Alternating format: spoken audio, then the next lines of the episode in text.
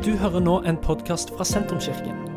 Vår bønn er at du skal få lov til å oppdage mer av hvem Gud er, og hva slags liv han har for deg.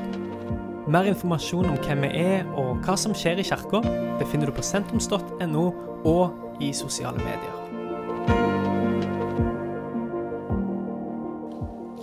Takk for at du eh, sitter der, klar til å få med deg den neste halvtimen eller sånn, halvtimen pluss, som skal handle om noe så bra som å spise. Vi har hatt konfirmasjon. Eh, For to uker siden så hadde vi konfirmasjonsfest for eh, Miriam. Eh, Og I forbindelse med det så inviterer en venner og familie, slektninger, til fest. I praksis så er jeg føler at nå har jeg fått ti ekstra voksenpoeng. for vi har hatt den første konfirmasjonen. I praksis så er jo så er jo konfirmasjonen et stort måltid. Der er noen andre ting som må være på plass. Du må ha med de flaue bildene fra barndommen. Du må liksom ha med kanskje en video, noen hilsener. Eh, der kommer noen taler. Eh, men i praksis så er konfirmasjonen et stort måltid. Servere mat etter mat. eh, Og eh, kona mi Vesna hun investerte på at vi skulle lage all maten sjøl. Eh, når jeg sier 'vi lager all maten sjøl', så er vel det kanskje det å overdrive. For i praksis så, så Jeg bidro, eh, men, men eh, det, det var dager med matlaging. Og det var dager med spising av konfirmasjonsmat i, ettertid, i, i etterkant òg. Et, et stort, langt måltid der en bruker anledningen til å si noe viktig. I den, i den anledningen, altså en konfirmasjon, så er det å gi gode ord til konfirmanten. Eh, kanskje råd til konfirmanten. Eh, kanskje viktige verdier til å bygge livet sitt på. Eh, og så er det å vise kjærlighet og omsorg fra storfamilien. Vi har hatt besøk av eh, Vesna sin familie både før eh, og etter konfirmasjonen. eh, Og vi har hatt nesten to uker sammenhengende med gjester hjemme. Eh, Noe av det som er fint med å ha besøk og overnattingsgjester over flere dager, det er at en kommer nær innpå hverandre, og det er at en spiser sammen. Eh, Og en legger gjerne òg litt ekstra omsorg inn i maten eh, og inn i det som serveres. Og så gir det da minneverdige måltider som sitter i etterpå, og samtaler som sitter i i etterkant. Dette er faktisk en av de tingene som skiller dyr og mennesker. Det er ikke sikkert du tenker over det sånn til vanlig. At hva er, hva er et dyr, og hva er et menneske? Eh, en av de tingene som skiller oss, det er måltidet. Eh, det kan hende at du eh, tenker på et måltid når du ser fire-fem løver som alle sammen er rundt den samme gasellen eller gnuen, eh, og som spiser eh, alle sammen eh, samtidig. Kan se ut som et måltid, men når dyr spiser, så er det Det er, det er eh, hver for seg. Det er eh, å grabbe til seg sjøl. Det unike med mennesket er at vi deler maten vår. Og så har vi måltid. Dyr fyller magen, mennesker spiser. Iallfall noen av oss. På tysk er det til og med to forskjellige ord. Eh, Det er essen når mennesker spiser, og så er det fressen når eh, dyr spiser. Og så er det kanskje av og til fressen når noen mennesker spiser òg. I Sentrumskirken så setter vi gjestfrihet og sjenerøsitet høyt. De to tingene det henger sammen. Og de henger gjerne sammen via måltidet, for måltidet er sentralt i gjestfrihet. Det er vel nesten sånn at i, i en orientalsk kultur så kan du vel knapt nok si at du er gjestfri hvis det ikke er et måltid knytta til gjestfriheten. Ikke bare at det er et måltid, men en setter gjerne fram det beste som en har. En inviterer noen hjem, og så byr en de på mat. Og så er det så genialt at Jesus kobler tro og måltid sammen. Noe, eh, fordi så mye av livet vårt er kobla mot mat og mot måltid. Eh, hvis en leser statistikken nå, så, eh, så, tror jeg nordmenn jeg tror vi er lavest i Europa. Jeg lurer på om det er rett over 10% av inntekten vår som går til mat. Eh, det, det, er jo eh, det er vanvittig lavt. Eh, men, men, men, det er klart selv om vi ikke bruker så mye stor del av inntekten vår lenger som en kanskje gjorde før, så, så, så er arbeidet vårt er knytta til dette. At skal, det er tak over hodet, det er klær på kroppen, og det er mat på bordet. Eh, en helt essensiell del av hverdagen. Bønna som Jesus lærer oss å be, er 'Gi oss i dag vårt daglige brød'. Jesus er opptatt av det. Eh, og så kobler da Jesus måltidet og vår tro sammen. Og så kan vi møte Jesus i måltidet. Og det er det som er poenget mitt i dag. Og hvis denne prekenen Jeg håper at denne prekenen kan gjøre én av tre ting.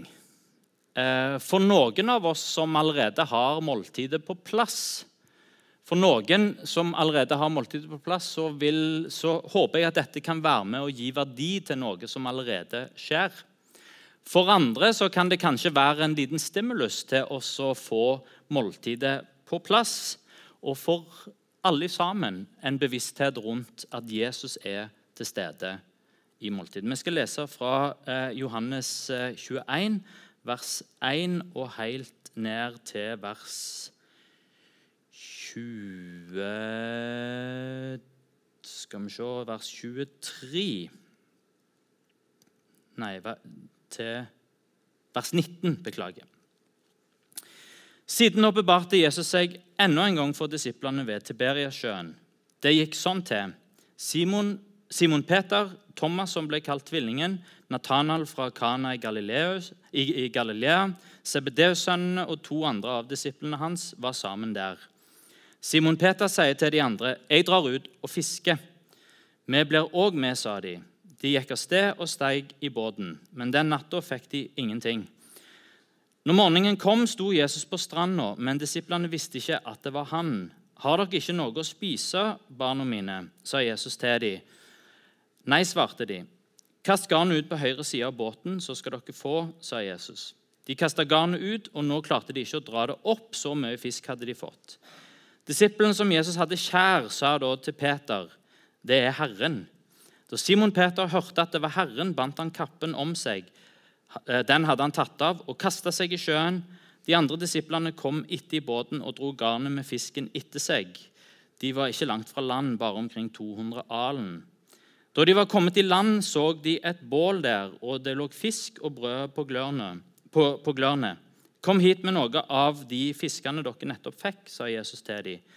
Simon Peter gikk da om bord i båten og trakk garnet i land.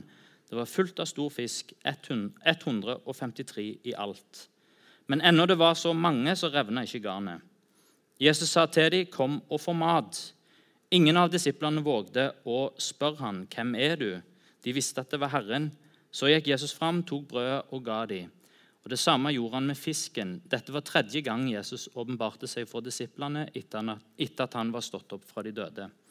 Da de var ferdige med måltidet, sier Jesus til Simon Peter, Simon, Peter, Simon, sønn av Johannes, elsker du meg mer enn disse? Han svarte, Ja, Herre, du vet at jeg har deg kjær.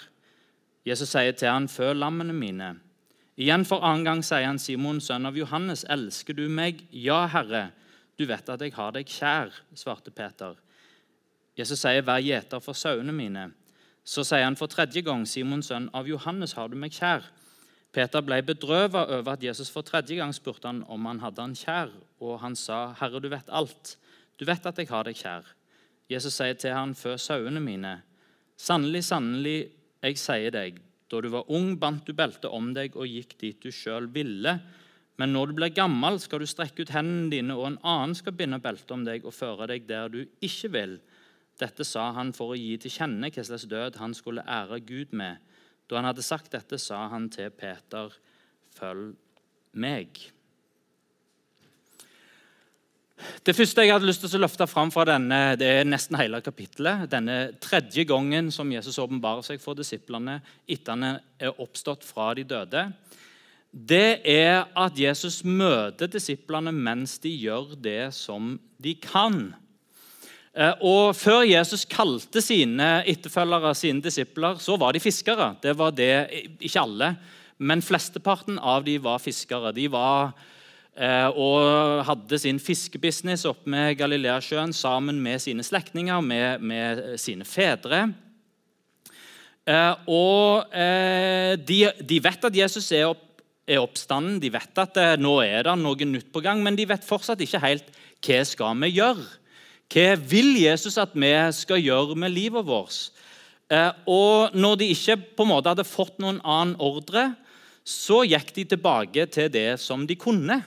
Eh, de gjorde det som var deres håndverk, det som var deres utdannelse, det som var deres eh, yrke. Eh, og Det er en god grunn for oss å lære, og det sier han som ikke kan noen ting. Eh, dette er en god grunn for å lære seg et håndverk, et yrke, få seg en utdannelse, lære seg noe som Dette er noe som jeg kan. På Jesus' i tid var det vanlig for fariseere og for skriftlærde å kunne et yrke eller et håndverk i tillegg til å kunne Skriften. Og I tillegg til å være en åndelig veileder så kunne en òg drive med noe praktisk. Eh, disiplene, Flere av de var jo da som sagt fiskere. Jesus sjøl var snekker. Og Paulus eh, kjenner vi til, han var teltmaker. Og det er flere andre yrker som, som vi hører om blant Jesus sine etterfølgere.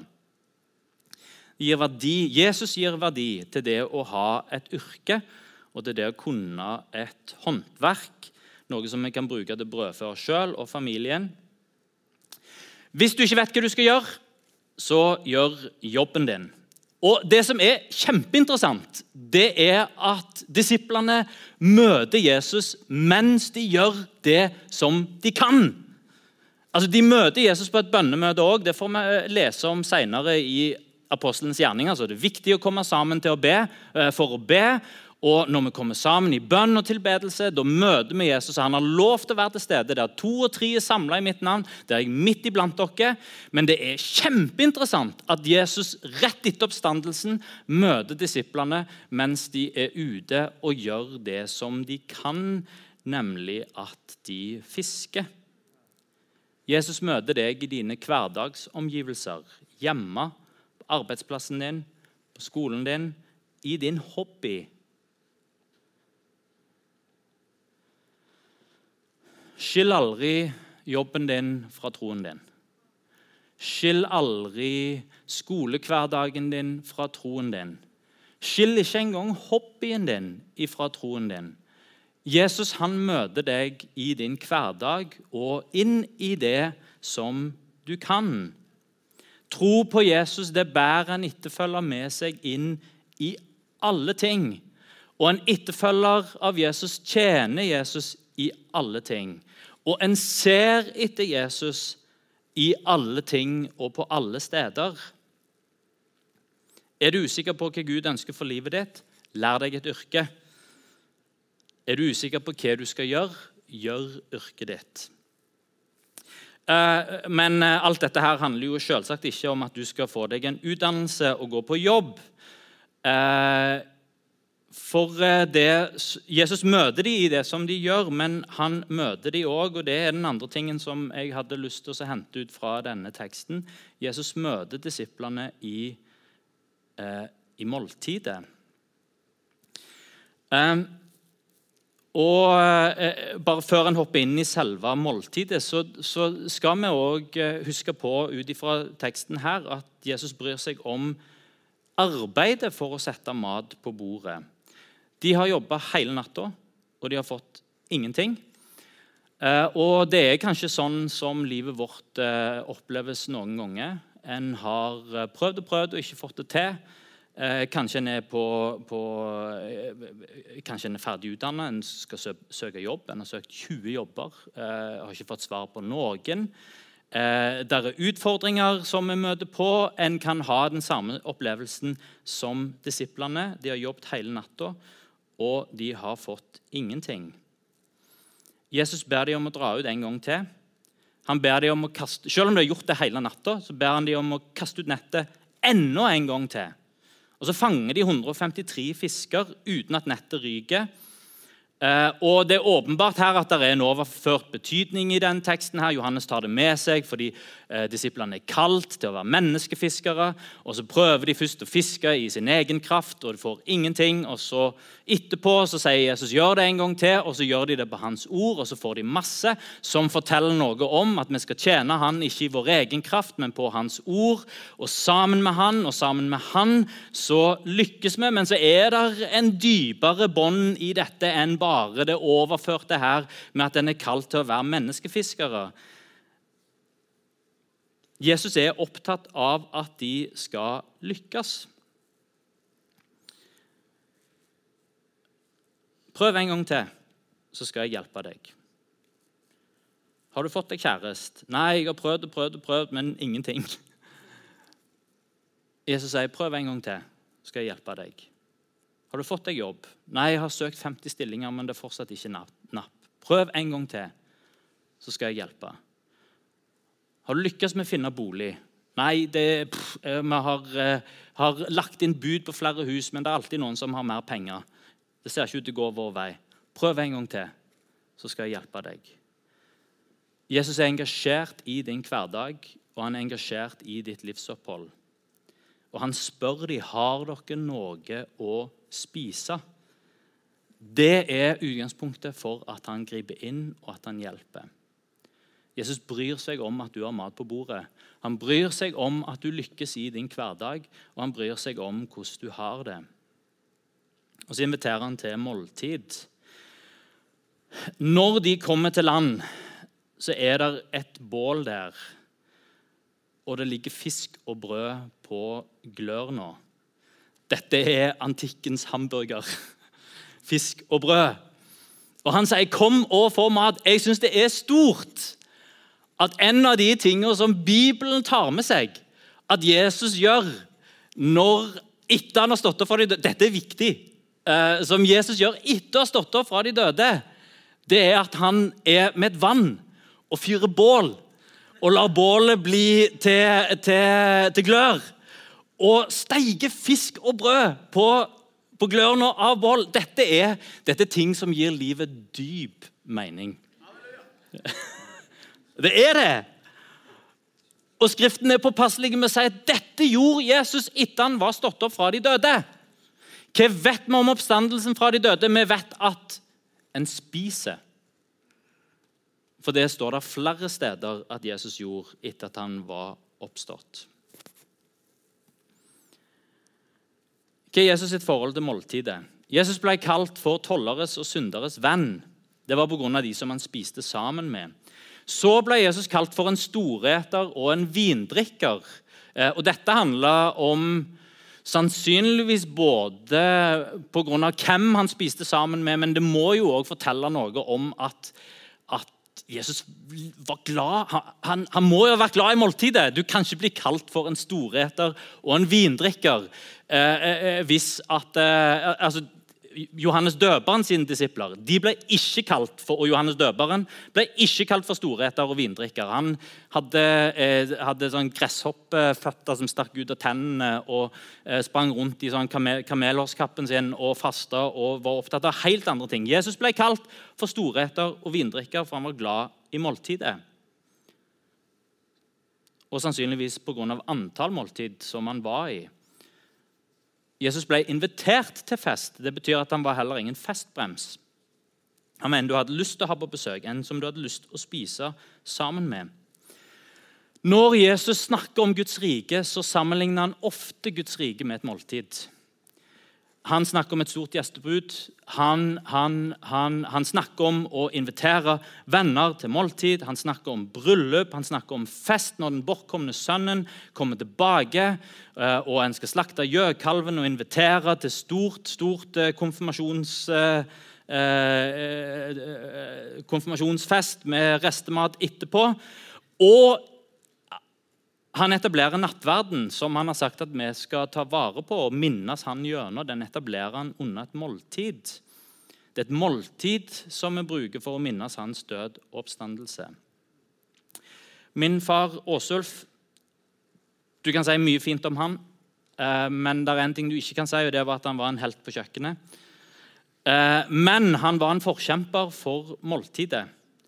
Vi spiste når jeg vokste opp, minimum ett måltid i dagen sammen som familie. Minimum. Eh, ofte to måltider dagen. Eh, og vi lagde til et skilt som vi hadde Denne tradisjonen har jeg ikke, eh, har jeg ikke tatt, eh, tatt, med videre, for det er vel kanskje ikke nødvendig i vår tid. Men når jeg vokste opp, så var det konstant folk som kom og ringte på. Mens når vi hadde måltid, så var det ned med et sånt skilt. 'Ikke forstyrr, vi spiser'. Eh, og så Ofte så glemte vi å ta det ned eh, etterpå, og så var det ingen som kom og ringte på og ville være med oss. Eh, I den siste talen som far hadde her i kirka for nå to år siden, eh, som han kalte 'Dette vil jeg gi videre', så sa han om måltidet Vær gjestfri og åpen mot mennesker du møter. Gi overnatting og hvile. Gi opplevelse av å slappe av og være seg sjøl. Lag mat da tenkte han sikkert på noen andre, eh, og skap fellesskap rundt bordet.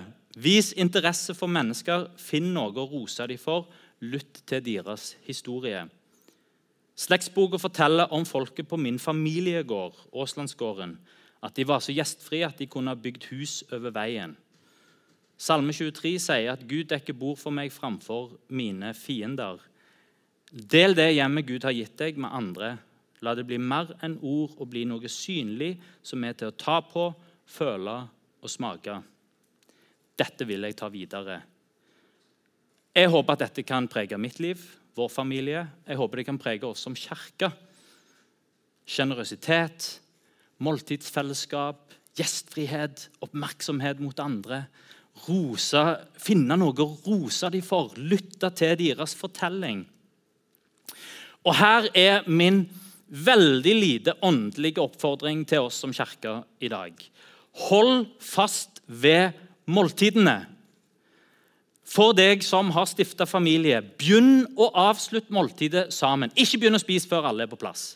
Få alle samla rundt bordet, og så, eh, og, så, og så, begynner en måltidet sammen. Ikke la det være sånn at førstemann som er ferdig, bare reiser seg, tar tallerkenen sin, eller kanskje ikke det engang, og sier et fort eh, takk, for, eh, takk, for, maten og forsvinner ut. Kanskje ikke det engang. Men bruk anledningen som måltidet er til å invitere Jesus inn i hjemmet og inn i hverdagen. Begynn måltidet med takk og med bønn. Bruk måltidet som en arena for å styrke familiebånd og for å bygge relasjon. Det er mye eh, forskning Eller mye. Eh, når jeg søker på Google, eh, så finner en ulik forskning på eh, hva en daglig middag en gang til dagen hva det gjør med en familie. Og det er, det er helt unikt. Bare den ene tingen det gjør barn mer sosiale. Det bedrer deres Hvis du er opptatt av at eh, kidsa skal få bra karakterer, spis middag sammen. For det bedrer karakterene, det hindrer fedme, for, eh, og det gir bedre kosthold. Eh, en får mindre rusproblemer. Det øker til og med ordforrådet, sier forskning, at en spiser middag sammen en gang i uka. I det hele tatt så gjør måltid sammen som familie at en får mer tid sammen. Til deg som er singel, Hold fast med måltidet, du òg, selv om du spiser alene. Og vær proaktive. Inviter noen til måltid, og spis kanskje sammen med noen både hjemme og ute, i fellesskap med andre. Når måltidet er etablert, så kan en dele det med andre. Guds rike er inviterende. I Guds rike så er det en konstant invitasjon. Og Flere av eh, bildene som Jesus bruker på Guds rike, handler om et måltid som en er invitert til å være med i. Å dele måltid eh, demonstrerer Guds rike i praksis. Å invitere til måltid er å gjøre noe praktisk som viser hva Gud har gjort for oss. Og så til slutt her så er Jesus til stede. Jesus møter ikke bare disiplene i selve måltidet, for de spiser sammen. Han inviterer til, eh, til måltid, og han er til stede i måltidet. Men så er han òg til stede i samtalen under måltidet og etter måltidet. Eh, og Kanskje kjenner vi denne teksten mest for den samtalen som Jesus har med Peter. og Så glemmer vi gjerne ut hva som er foranledningen. Foranledningen for samtalen Jesus har med Peter, det er et måltid. Foranledningen er et bål. Eh, og De gode samtalene de har en ofte foran et bål. Eh, og i etterkant eller under et måltid. Så her er det fisk og brød og bål. Og dette er utgangspunktet for samtalen som Jesus har med Peter. Eh, og det at det er foran disse glørne som Jesus har lagt, eller dette bålet som Jesus har lagt maten på, det minner jo tilbake til at Jesus, Peter sto foran en kullild eh, når Eh, når, når, når, Jesus har blitt dømt til døden. Jesus går forbi. Han står med kullilden og ser hva som skjer. og Ei tjenestejente kommer og spør var ikke du òg sammen med denne Jesus. Og Peter tre ganger fornekter og sier nei, jeg kjenner ikke den mannen, og til og med banner på at han ikke kjente Jesus. I dette måltidet så, så snur Jesus på det, og så spør Peter tre ganger Elsker du meg? Og Det er mye i den samtalen der som vi ikke skal gå i dybden på her. Jesus spør Peter elsker du meg, agape, den guddommelige, uselviske eh, kjærligheten som gir sitt liv for andre. Agaper du meg, Peter? Og Peter vet jo at når han hadde muligheten, når han kunne gitt sitt liv, når han, livet hans sto i fare, så hadde han ikke så dyp kjærlighet for Jesus at han var villig til å gi sitt liv. Han bander på at han ikke kjente Jesus. Så han sier, 'Ja, du vet at jeg er ikke helt der, men jeg filer jo. Eh, venn, du er en god venn.'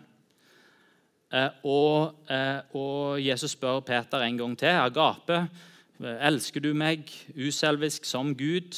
Peter svarer igjen, 'Ja, du vet, du vet at jeg ikke er helt der.' Men du vet at jeg, Filio, jeg har deg kjær som en venn. Jeg er glad i deg som en venn. Og Til slutt så spør Jesus et hakk ned. Er du glad i meg som en venn, Peter? Og Peter sier, ja, du kjenner alt, og du vet at jeg er glad i deg som en venn. Og så tar Jesus imot Peter som venn og sier, fø mine lam, fø mine sauer og vokt mine sauer. Så gir han Peter oppdraget. Og forteller samtidig om utfordringene som ligger foran. Det er en samtale som gir retning for Peter. Jesus sier da du var ung, så bandt du opp om deg, så gikk du akkurat der du sjøl ville. Nå, når du har blitt voksen, så er det en annen som skal ta deg der du ikke vil. Eh, så her er det både et oppdrag og her er det ting som skal skje, som ligger foran deg, som blir utfordrende. Alt dette skjer i forbindelse med måltidet. Og jeg tror ikke det er tilfeldig. Hvor mange forretningsavtaler har ikke blitt gjort i forbindelse med lunsj eller middag? Jeg hørte en politisk kommentator si at kanskje kunne Og det vet en jo aldri. Men kanskje kunne krigen mellom Russland og Ukraina vært forhindra hvis en hadde hatt litt flere måltid med Putin. Så dette med statsledere som treffer hverandre og spiser sammen, det er ikke bare tøys. Det er ikke bare at de skal stå der for bildene. Og, men en spiser sammen, snakker sammen, og kanskje forsvinner det litt mistillit, litt mistro. Fordi måltidet bringer oss sammen. Samtalen som måltidet bærer med seg. Jesus er til stede i den samtalen. Og Her skjer òg hverdagsmagien. Her, Når en har måltid sammen, snakker om hvordan dagen har vært, hva var bra, hva var ikke bra, seier og nederlag Mennesker som spiser og snakker sammen, de holder sammen. Eh, og Det skjer gjerne automatisk når en spiser. Og Det er her det er fint at en venter på hverandre og begynner måltid sammen. Og det her det er fint at vi venter på hverandre til måltidet er avslutta.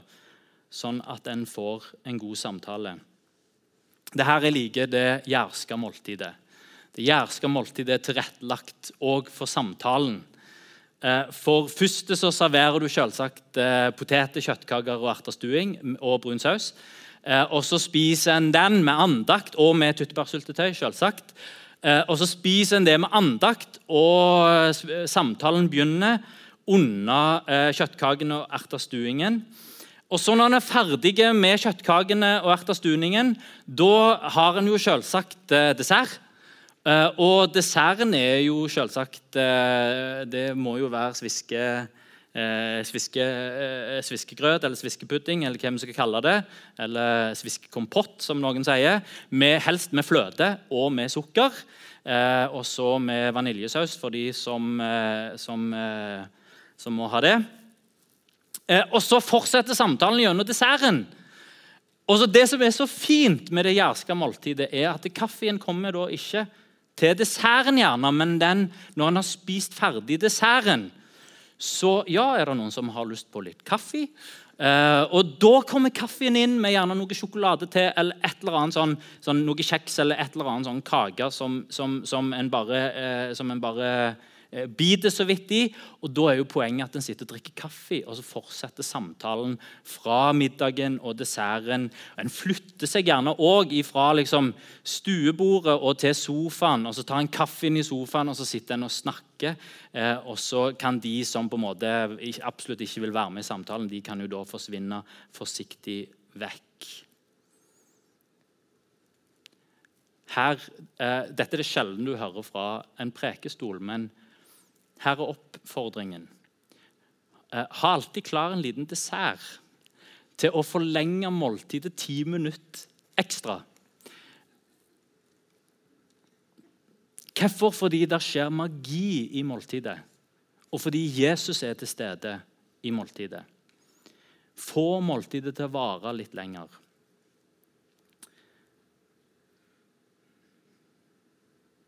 En australsk undersøkelse viser at det viktigste den, den undersøkelsen likte jeg, det viktigste som fedre kan gjøre for å styrke ekteskapet og familielivet og Her var det mange ting som var inne. Det var å gjøre mer husarbeid, det var liksom være mer til stede sammen med ungene.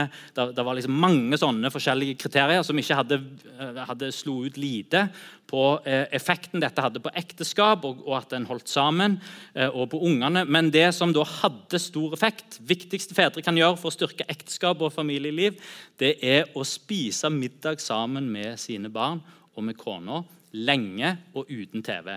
Eh, bare et snitt på 15 minutter lenger det minsker risikoen for skilsmisse dramatisk. Så Her er det et insentiv for å legge eh, dessert på middagen og for å spise sammen og for å bruke måltidet. Far sa i sin tale om å vise sjenerøsitet, dele måltid, vise oppmerksomhet, rose og stille nysgjerrige spørsmål, lytte til andre sin historie mange av de beste samtalene de får med i etterkant av måltidet. Og bandet kan komme opp og gjøre seg klar. Sånn har det òg vært når vi har hatt besøk av eh, våre makedonske slektninger. Mange måltider sammen.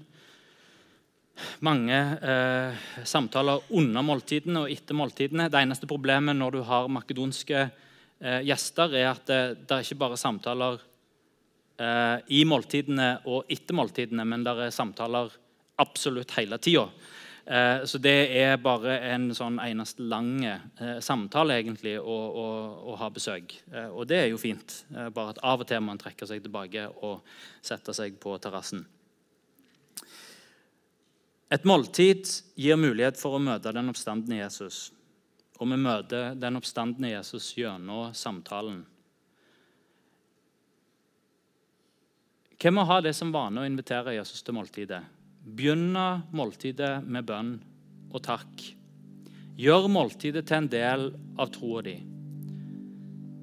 I teksten her, er faktisk, her er det jo faktisk motsatt. Det er jo ikke disiplene som inviterer Jesus til måltidet, men det er Jesus sjøl som inviterer disiplene til måltid. Og Det er faktisk sånn vi kan se på det. På samme måte som vi kommer sammen til gudstjeneste, så er det ikke, det er ikke sånn at vi inviterer Jesus til å være sammen med Men, men det, det, er han som inviterer oss. Og vi kan se på, mot, på måltidet på den måten. At Han inviterer oss til, til måltid. Han har omsorg for oss. Han ønsker at vi skal lykkes i livet. Han ønsker at har dere noe å spise? Han ønsker at vi skal ha mat på bordet. Gi oss i dag vårt daglige brød. Og Han møter oss både i forberedelsen av måltidet, han møter oss i måltidet, og han møter oss i samtalen etter måltidet. Han møter Peter, han gir Peter tilgivelse, han gir Peter gjenopprettelse. Han gir Peter en stor omfavnelse, og han gir Peter tilhør, som var usikker på hvor står jeg hen. Jeg som har fornekta Jesus tre ganger. Men Jesus han angrer ikke sin bestemmelse. Og vi sier, 'Peter, på den klippen så vil jeg bygge min kirke'. Han sier, han sier 'Før mine lam, før mine sauer, og vokt mine sauer'. Og Rammen for samtalen er den antikke hamburgeren med fisk og brød på glør.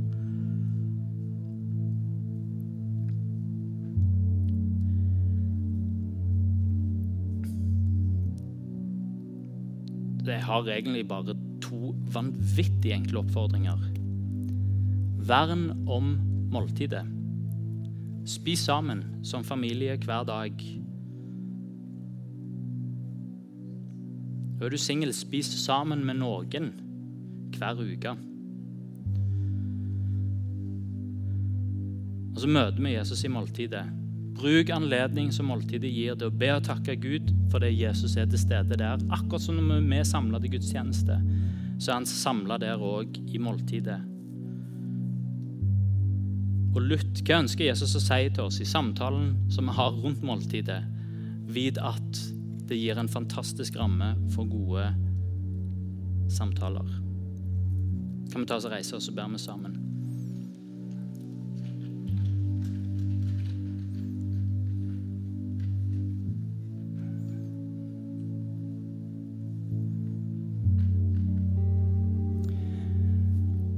Herre Jesus, takk at du er oppstanden, og takk at du er ekte og reell.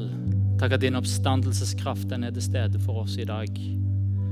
Takk at du er her akkurat nå. og Takk at du er møter våre hjerter, Herre. Takk, Herre, at du kjenner våre behov.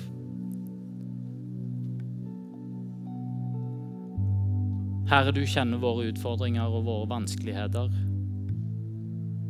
Herre, du ser de som har prøvd og prøvd og prøvd og prøvd, og kanskje nesten gitt opp. Takk at du ønsker å hjelpe oss.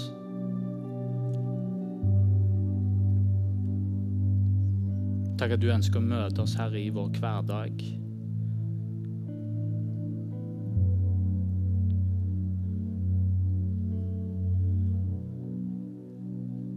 Mens vi holder øynene våre lukket og gir hverandre et personlig øyeblikk. Jeg har lyst til å be for deg som lyst til å be spesielt for deg som opplever at og, og, du vet hva det er for noe. At på en, på en eller annen front i ditt liv så har du prøvd og prøvd og prøvd og prøvd og fått ingenting. Og kanskje i ferd med å gi opp. Jeg har lyst til å be for Kanskje du, du kan bare ta og legge hånda di på hjertet ditt. Jesus han ser det, og han vet hva det gjelder. Jeg har lyst til å be for deg. Herre Jesus, du ser hver ei hånd som i tro til deg, Herre, legges på hjertet akkurat nå. Herre, jeg ber om at du berører hver en situasjon. Jeg ber om at du forsørger, Herre. Jeg ber om at du leder. Jeg ber om at du er til stede. Jeg ber om at du gir fred, Herre. Takk, Herre, at du er mektig til å hjelpe oss, uansett hva det måtte være for noe. Takk at du har omsorg for at det skal være brød på bordet, Herre tak over, over hodet. Takk at du ønsker at vi skal lykkes i livet vårt.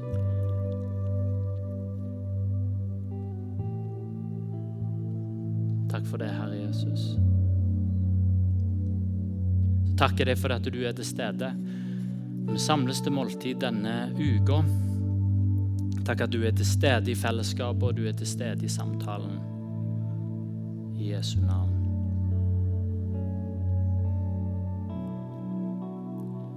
Helt i slutten av samtalen så sier Jesus til Peter, 'Følg meg'.